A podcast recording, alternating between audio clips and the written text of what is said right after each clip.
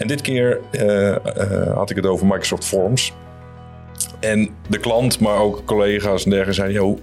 Hoe, hoe ga jij nou een webinar van een uur vullen over Microsoft Forms? Nou, Dat vind ik ook heel knap. ja.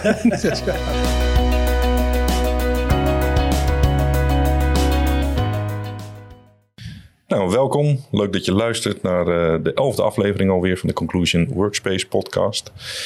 Nou, zoals altijd eh, weer gasten aan tafel. En eh, ik wil jullie vragen om eh, je even voor te stellen. Nou, Marco Blijnberg, eh, platform-owner van Team Workspace. Eh, daarin eh, verantwoordelijk voor de ontwikkeling en het leveren van onze werkplekdiensten. Eh, en inmiddels alweer de derde keer dat ik hier aanschuif, dus leuk. Ja, gezellig. Ja, het is ja, inderdaad boven in de bar hebben we al een keer gezeten. Ja, Ja, de tweede keer hier. Martijn Hogebos, ook eh, platform owner workspace. Eigenlijk eh vergelijkbare rol als Marco. Alleen eh, dit is mijn eerste keer dat ik hier zit. Ja, leuk. Ja, Ik hoop niet de laatste keer, maar dat zullen we achteraf wel, wel gaan bespreken. ja. gaan we meemaken. Nou, ik ben Dennis van Dalen, ook cloud consultant en ja, videoproducer en host van deze, van deze podcast. En ik heb jullie gevraagd om een, eh, een onderwerp mee te gaan nemen. En dan gaan we, net als altijd, eh, nou ja, gaan we ze af. Eh, Marco, mag ik jou vragen om te beginnen? ja nou, het, is, het is een mond vol. maar het is waar ik zeg maar, eh, de laatste tijd steeds meer eh, mee bezig ben, is ook eh, de feature-ontwikkeling rondom Azure AD. In dit geval de Azure AD Entitlement Management. En dan in het bijzonder de access packages. Volgens mij een aantal podcasts terug hebben we al een keer gehad over de Azure AD en de hele Entra-ontwikkelingen die we daarin zien. Ehm nou, entitlement management is daar dan weer een feature in. En daarbinnen dan weer access packages.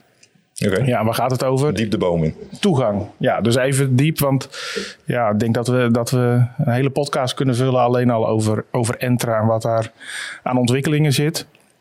Eh, maar nu even in het bijzonder, zeg maar, die, die access packages.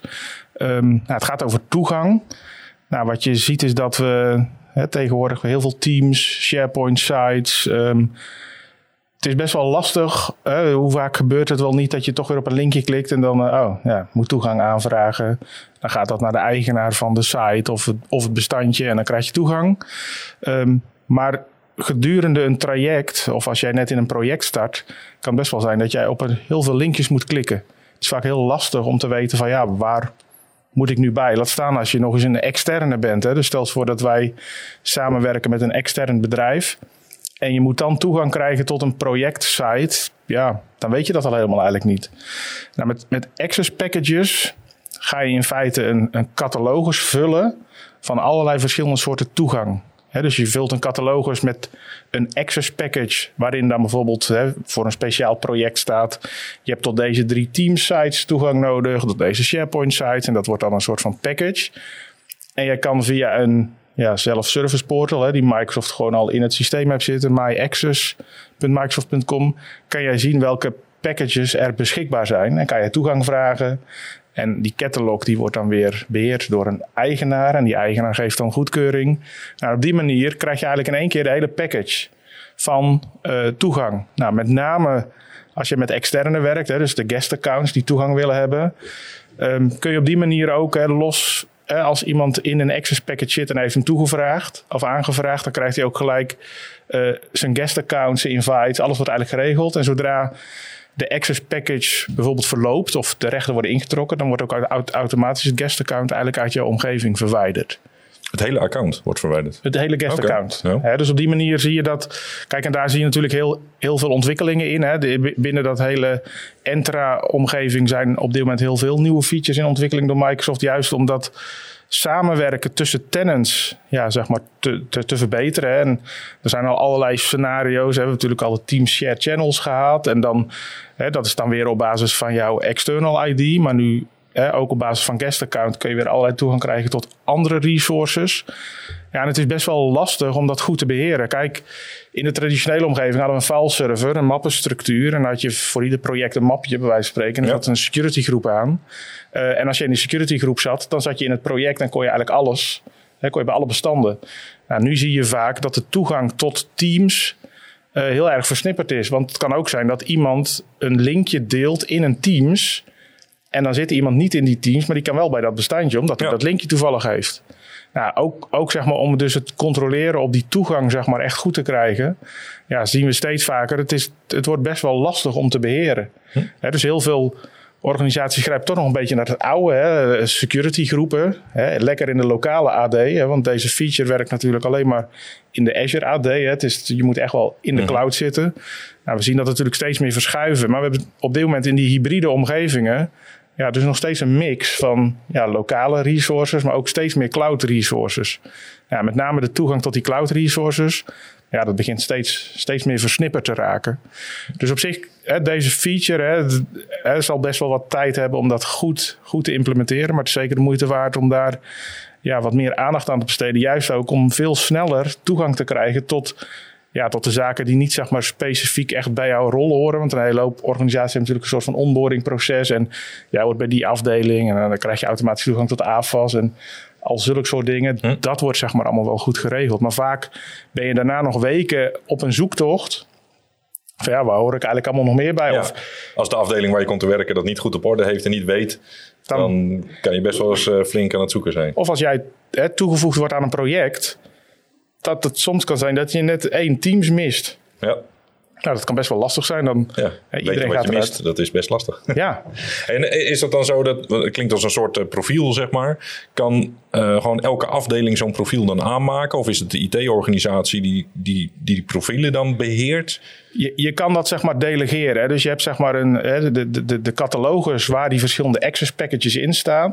Daar kan jij een ja, subcatalogus aanmaken. Dat, dat kan je eventueel per afdeling doen of per project. Hè? Dus dat je zegt van nou, ik delegeer de toegang tot uh, weet je, de projectleider. Of, hè, en die maakt dan de access package aan voor zijn project. En dat kan bestaan uit meerdere teams, uh, Sites, libraries. Ja, eigenlijk alles. Het kunnen ook singles zijn om toegang zijn tot, tot SaaS-applicaties. Dus je kan zo eigenlijk zo'n hele access package samenstellen.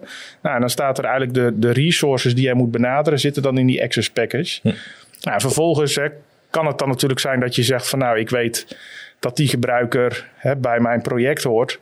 Maar steeds vaker zie je natuurlijk met die guest toegang weet je ook niet altijd wie er nou allemaal precies van die andere organisaties zijn. Um, hè, dus dan is het makkelijk als zo'n externe eigenlijk in die catalogus kan kijken van oh, ik ga nu in project uh, I meewerken. Dan zorg ik ervoor dat ik, uh, dan doe ik een aanvraag voor de access package van project I. Nou, vervolgens kan je dat dan volgen met goedkeuring en hm. uh, de projectleider die kan dan zeg maar de goedkeuring geven. Oké. Dus als je die structuur goed neerzet. Kijk, het is met name natuurlijk ook bedoeld om het risico te verkleinen dat jij heel veel toegang eigenlijk nog een beetje openlaat. Hè? Want wat je vaak ziet met guest accounts. Ehm, iemand kan in die andere organisatie weer een andere rol krijgen. Doet misschien wel helemaal niks met jouw project. Heeft nog wel ergens die linkjes. Heeft nog wel ergens de toegang. Ja, het, het toegang innemen. Ja, dat, dat gebeurt bijna niet. Nee.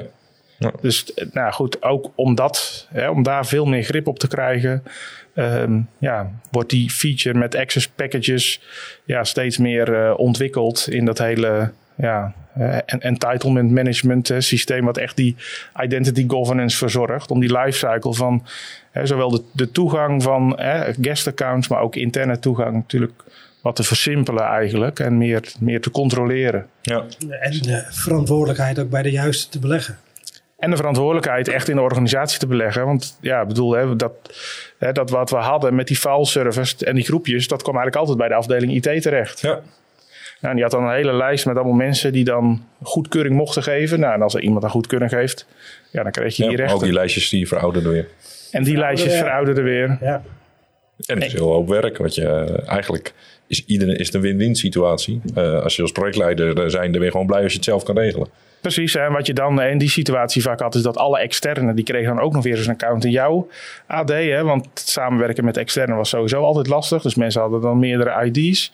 Nou, tegenwoordig is dat natuurlijk allemaal met, hè, met de tenants. En als iedereen gewoon in dezelfde hè, Microsoft 365 omgeving zit, kun je op basis van die guest accounts, je neemt zelfs je licentie nog mee. Hè, dus op die manier ja, kun je zeg maar makkelijker samenwerken. Maar dan moet je er wel steeds goed goed die controle houden. Dus dat zijn, uh, ik denk ook mooie ontwikkelingen om te zien dat daar wel steeds meer ja, grip op komt, maar wel ja, hè, zeg maar met de focus op de zelfredzaamheid van een organisatie. Hè. Dus dat je niet, je moet het wel die structuur goed neerzetten. Daar zul je de, de afdeling IT en dus ons zal je daarvoor nodig hebben.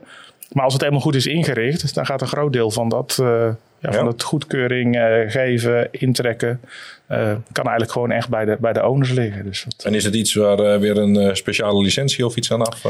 De- de- deze specifieke feature, hè, de- rondom dat Entra zijn heel veel features, hè, die allemaal met verschillende licenties, maar het, een, een aantal features, en, en hè, waaronder ook die access packages zitten onder Azure AD P2 heet dat. Hè, dus dat is plan 2.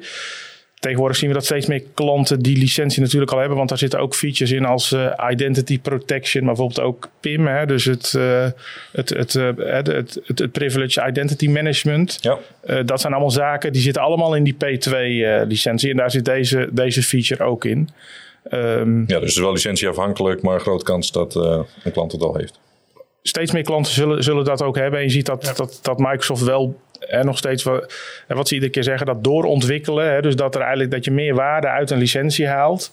Ja, dat, dat blijft hier natuurlijk wel mee eh, ja, steeds nog van kracht. Dus ik denk dat dat ook wel, eh, ook wel goed is om te zien. Ja, Ehm, maar ook goed is om te weten dat als je dan eenmaal die licentie hebt, ja, dat je die ook zo goed mogelijk gaat uitnutten. Ja, door, die, eh, door die features zeg maar ook in te zetten. Ja. Dus, dat, eh, dus dat zijn zeker hè, ja, waar, ook een aantal hè, rondom dat Entra. eh, waar wij de komende periode ook met onze roadmap echt wel eh, veel aandacht aan, eh, aan geven. Dus ja, ja. gaan de hort op. ja, ja, zeker. Ja. Leuk. Oké, dankjewel. Leuk. Martijn, Ja, volgende onderwerp. Ja, Wat heb jij meegenomen? ik, heb, eh, ik denk ik wil het eens eh, hebben over eh applicatiepackaging. Ook packaging, alleen een ander soort. Het is een, is een vrij traditioneel stukje technologie, hè, waar je een applicatie op een voorspelbare en betrouwbare wijze naar de eindgebruiker krijgt. Eh, met daarin ook eh, nou de, de, de juiste customization, de licenties, alles dat dat allemaal geregeld is. Hè. Dus als je het hebt over een stukje ontzorging, is, is eh, application packaging echt wel daar ja, een heel belangrijk element van in het bedrijfswezen. En dat is denk ik ook meteen het, ja, het, het lastige waar we nu in de, de huidige economie eigenlijk zitten, hè, 2023, waarin we op consumentenhardware steeds makkelijker gewoon applicaties uit stores kunnen halen. En dat hebben we natuurlijk al, eh, hè, dat doen we al jaren. Maar je ziet dat die wens in, het, eh, in de enterprises ook steeds groter en groter wordt. Nou, Microsoft is daar in principe ook op ingesprongen hè, met, eh, met Winget. Dat is, daar is ook eerder volgens mij Ja. in deze podcast... Ik weet het nummer niet uit mijn hoofd, maar we hebben het er een keer over gehad. precies. Ja. Nou dat is, dat is eigenlijk de, de, eh, ja, de application, eh, packaging eh, en distributie waar, waar Microsoft de verantwoordelijkheid voor die applicatie eigenlijk bij de leverancier verlegt. En nou ja, je merkt dus nu dat eigenlijk de marketingmolen daar een beetje begint te draaien. Hè. Het wordt her en der binnen Intune geïntegreerd. En je ziet dat, we, dat de marketing, ondanks dat de marketingmolen dus heel, heel lekker draait, dat we in technologie toch eigenlijk wel een beetje achterblijven. Er zitten best wel heel veel haken en ogen Dat is aan. een gevaarlijke combinatie. Ja, ja, ja, en dat is dus ook, eh, nou ja, daar wilde ik het dus ook even over hebben. Hè. En nogmaals, eh, we zien bij veel klanten zien we die vraag dus ontstaan. En er is ook vaak eh, security gedreven. Hè. Want als je bijvoorbeeld een applicatie hebt als veel, Adobe Reader of, of Chrome of hè, de, de, de wat simpele en eenvoudige applicaties. Ja, die wil je eigenlijk altijd dat die bij zijn. Altijd de laatste versie. Nou, En Winget is eigenlijk daarin de belofte. Hè, dat, eh, je, je installeert hem en door, door de applicatie Winget eh, blijft, dat, eh, blijft die altijd geautomatiseerd bij in de laatste versie. Mhm. Nou, we hebben de, de afgelopen weken, maanden best wel tijd en energie vanuit onze packagingstraat. Hè, dus eigenlijk het traditionele packagen van, eh, van applicaties hebben we daar veel tijd in gestoken. Nou ja, en je ziet gewoon dat daar, eh, nou ja, omdat eigenlijk de verantwoordelijkheid is verlegd naar de vendor, eh, ja, dat het gewoon niet allemaal even lekker werkt. Je maak je een installatiepackage, dan installeert hij heel keurig via Winget. Maar dan kan je hem weer niet via Winget updaten. Hè. Dan komt er een foutmelding. Of dan installeert hij wel, maar dan kan je hem niet deinstalleren. En Mm. Ja, dat zijn, eh, nou ja, dat zijn dus wel gevaren waarin je dus eigenlijk ziet dat, dat aan de ene kant zeggen we van nou ja, zo'n zo'n packaging eh, applicatie is top, hè, want daarmee kunnen we alles up-to-date houden. Maar als de vendor dus die, die manifest files waar dat allemaal in staat, die technologie, eh, niet goed bijwerkt, ja, Daar zijn wij afhankelijk van. daar zijn wij, wij Ja. als ja, leverancier afhankelijk van. Ja, Als wij dan wel zeg maar, de Winget-methode toepassen, ja, dan, dan kan dat eventueel weer tot onver, onverwachte resultaten leiden. Ja. ja, er zit natuurlijk al verschil helemaal in het begin in dat een uh, een consument zelf die gaat naar de App Store en uh, klik, klik, klik en het staat erop. Ja. Maar dat is natuurlijk wel een groot verschil met of je uh, een applicatie in de zakelijke wereld aanklikt en vervolgens de licentie er al op staat, de juiste instellingen, ja. naar de juiste paden verwijst, alle bedrijfsinstellingen zeg maar er al in zitten. Database koppelingen, alles ja. eraan. Dus dat is wel een heel groot verschil wat wat een gebruiker gewoon eigenlijk niet, niet, niet bij stilstaat. Nee, dus en, en, en, terecht, hè? En terecht. Ja. Daar moet een eindgebruiker helemaal niet bij stilstaan. Ja. Hè? Die, moet, uh, die moet kijken naar hè, wat, uh, wat, wat willen, welk probleem wil ik oplossen. Hè? Welke applicatie hebben we daarvoor? Die hebben we dan nodig. Ja. En die moet helemaal zich niet druk maken om een instellingje daar, een database koppelingje hier of een licentiebestandje daar. Nee. Dat moet gewoon werken. Nee. Ja. Dat, maar dan wel in combinatie met de laatste versie. Ja, en dat, ja, dat, zou, dat is echt wel het walhalla natuurlijk. Hè? Ja. Dat je gewoon altijd bij bent. Ja. Hoe fantastisch zou dat zijn? Ja, ja dat... Uh, ja. Hebben wij toch ook een afhankelijkheid? Ja, dan, we hebben er nog een route naartoe, zullen we maar zeggen. Ja. Het, uh, die, die volwassenheid in dat, uh, dat landschap is, ja, wat mij betreft, echt nog wel onvoldoende om daar echt op te gaan standaardiseren. En zijn dat ook lastige gesprekken met klanten dan? versnappen die dit? Nou ja, als je met de klant in gesprek gaat, dan, dan, ja, dan is eigenlijk het beeld van, ja, weet je, het is een makkelijke applicatie. Dus uh, laten we die via, via de WinCat-methode doen. En dan, uh, ja, dan zijn we klaar. Hè? Dan is het één keer package. En dan is die voor de rest van onze levensduur van de laptop en de applicatie is die gewoon bij. Ja. Ja, dat is een, dat is een verwachting. En die, wordt die wordt ook gecreëerd door de belofte die WinCat heeft. Hè? Ja. Dus de, de verwachting is niet gek. Ja.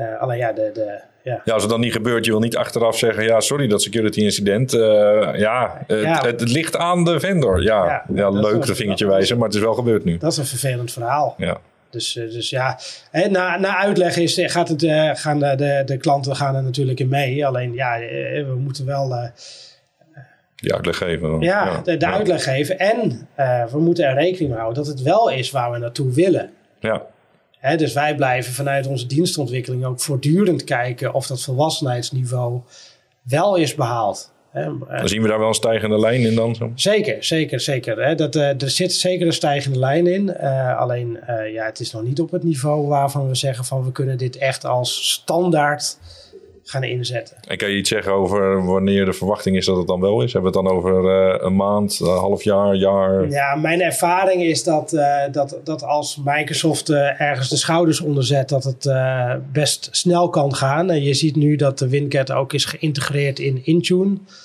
Hè, daar, daarmee ja, geven ze toch echt wel te kennen dat dat wel hun pad voorwaarts is.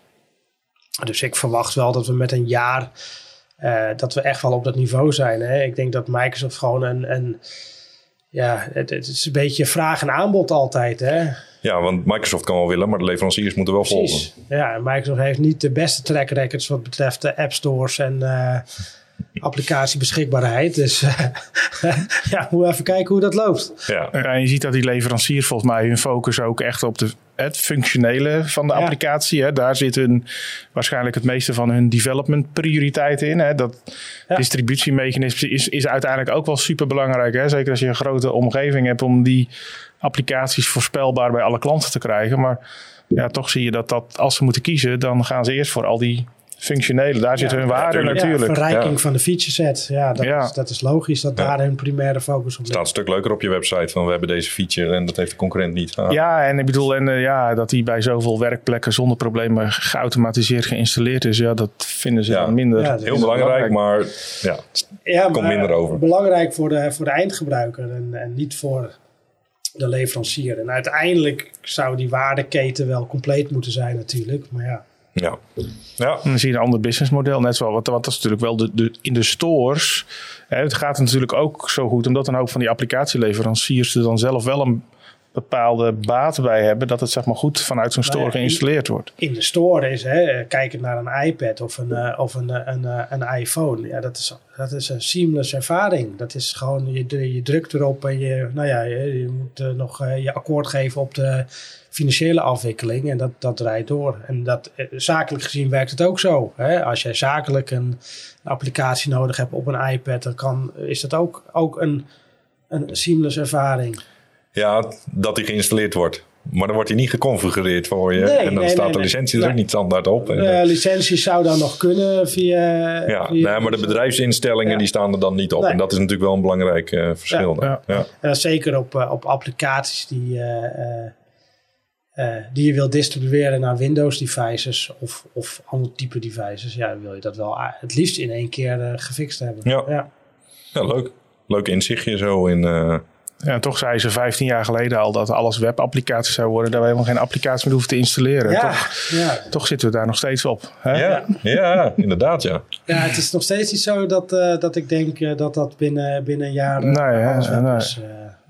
Plus de alle, alle eh, ja, runtime applicaties. Die, hè, dan kan je wel een webapplicatie hebben, maar dan heb je toch weer iets nodig om, weet ik veel, grafiekjes te bekijken of, of eh, Ja. andere ja, dingetjes. ja. Database koppelingetje hier. Ja. en- Ja. Dat is toch allemaal niet zo laagdrempelig als dat eh, ooit eh, voorspeld is. ja.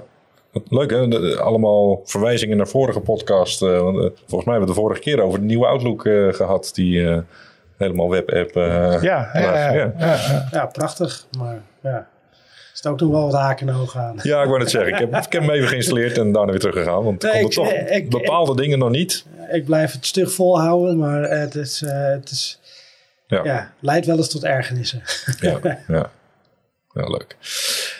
Ja, ik ehm, heb een onderwerp meegenomen die ook eh, net even iets anders is. Als dat ik, nou, vaak praat ik over nieuwe functies van Teams en dergelijke. Maar ik heb vorige week heb ik een, eh, een webinar gehouden voor een klant van ons. En eh, dat, dat heb ik vaker gedaan mm, over een Teams en over een SharePoint en OneDrive. En, en dit keer eh, had ik het over Microsoft Forms. En de klant, maar ook collega's en dergelijke zeiden... "Yo, hoe, hoe ga jij nou een webinar van een uur vullen over Microsoft Forms? Nou, Dat vind ik ook heel knap. ja. ik heb moeten lullen als brugman. Echt eh, snel eh, we moeten doorgaan, want ik, ik- ja, ik vind het echt een fantastisch product. Ehm, en eh, stiekem zitten er toch ook nog best wel veel opties eh, in. Eh, terwijl het ziet er juist weer heel eenvoudig uit. En dat, dat vind ik ook echt het, het, mooie van Forms, hoe, hoe ze dat hebben gedaan. Het is al nou, best een oud product en ze hebben wel wat vernieuwingen erin zitten, maar ook weer niet schokkend veel of zo. Ehm, dus ik dacht, nou, ik ga het dus over Microsoft Forms hebben. En ehm, voor degene die niet weten wat Microsoft Forms überhaupt is, hè, dat, dat kan natuurlijk ook nog. Ehm, Forms is een Office 365 applicatie ehm, waarmee je als gebruiker zijnde een formuliertje kan opzetten. En dat formuliertje kan je versturen en die kunnen mensen dan invullen en jij verzamelt de antwoorden.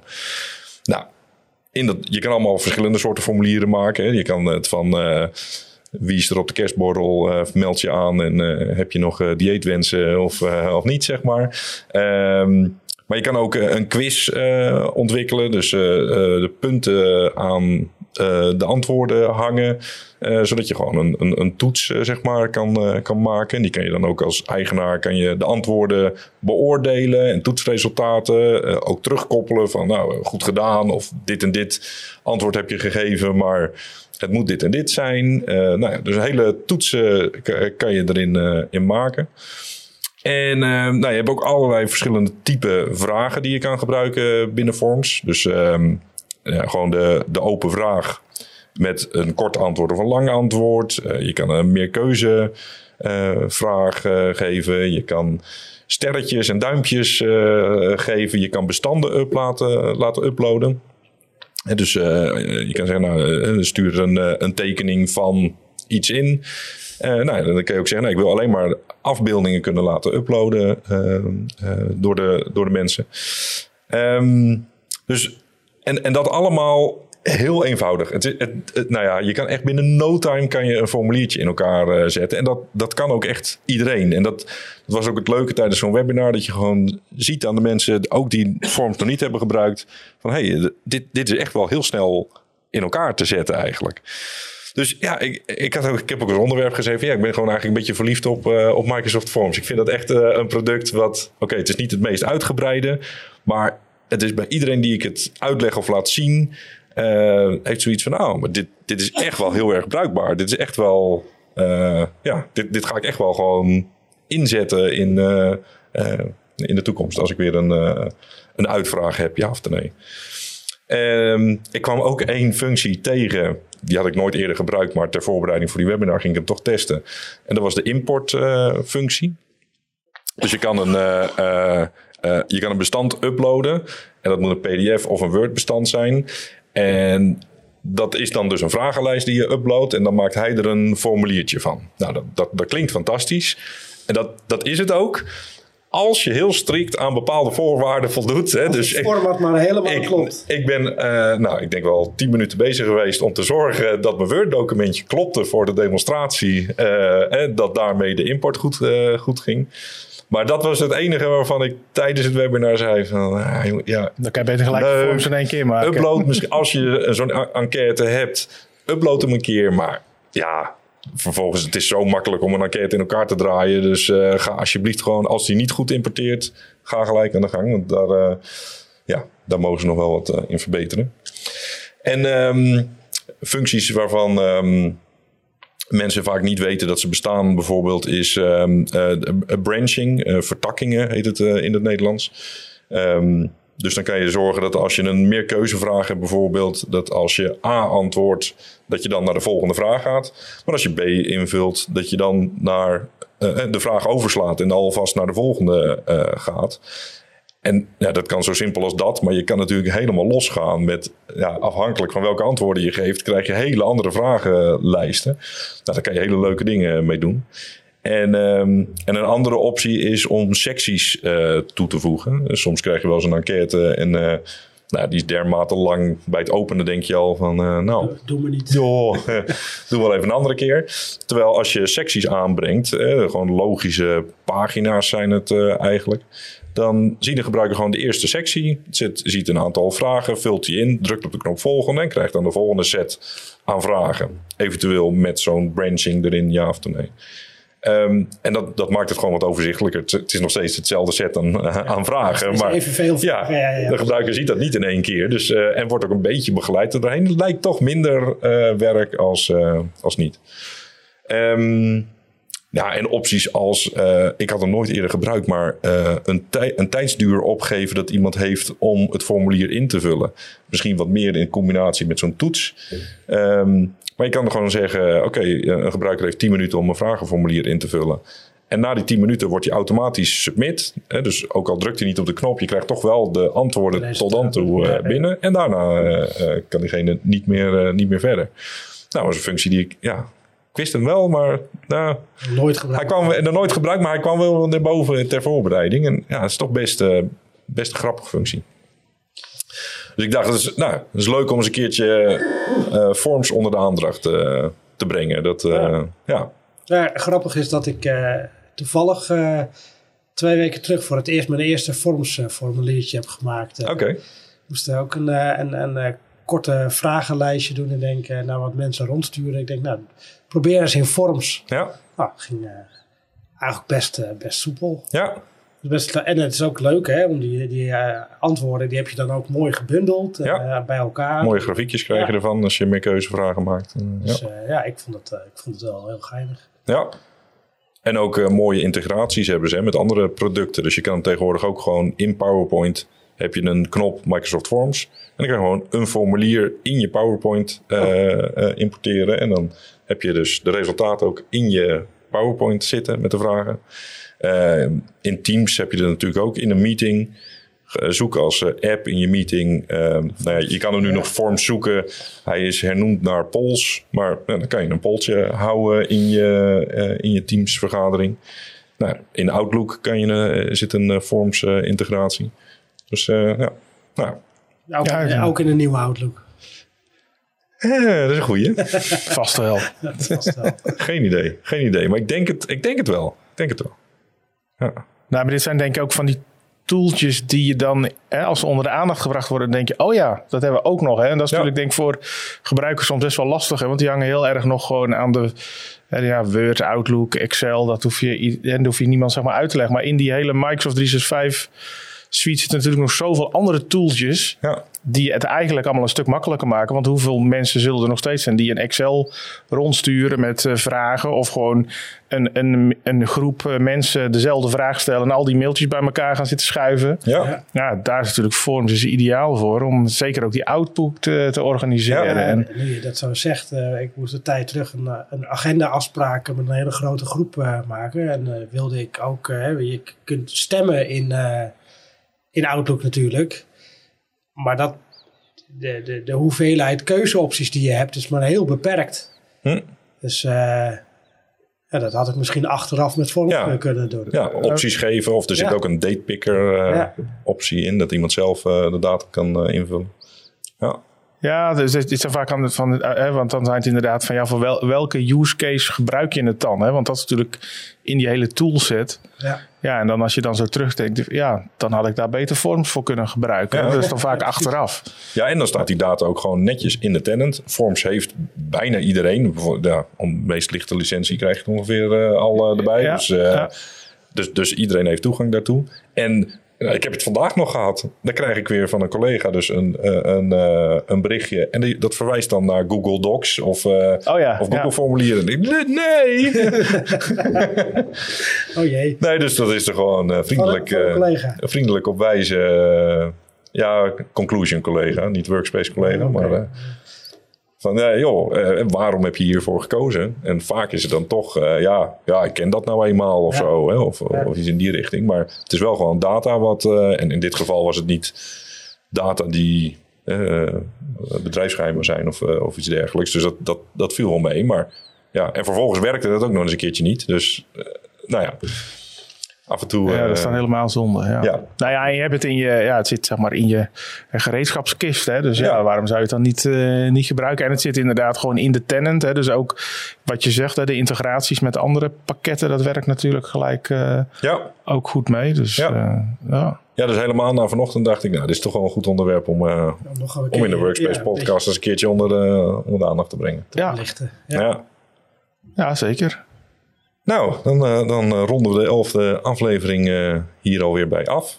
Dus ik eh, nou ja, wil jullie hartelijk bedanken voor de deelname. Ik hoop dat Ja. eh, de eerste podcast een, eh, iets leuks was, eh, dat je het vaker wil doen. wel leuk. Mag je vaker vragen? Leuk, mooi. Ja, tot de volgende keer. Yes. Goed. Oké, hey, bedankt. Yo.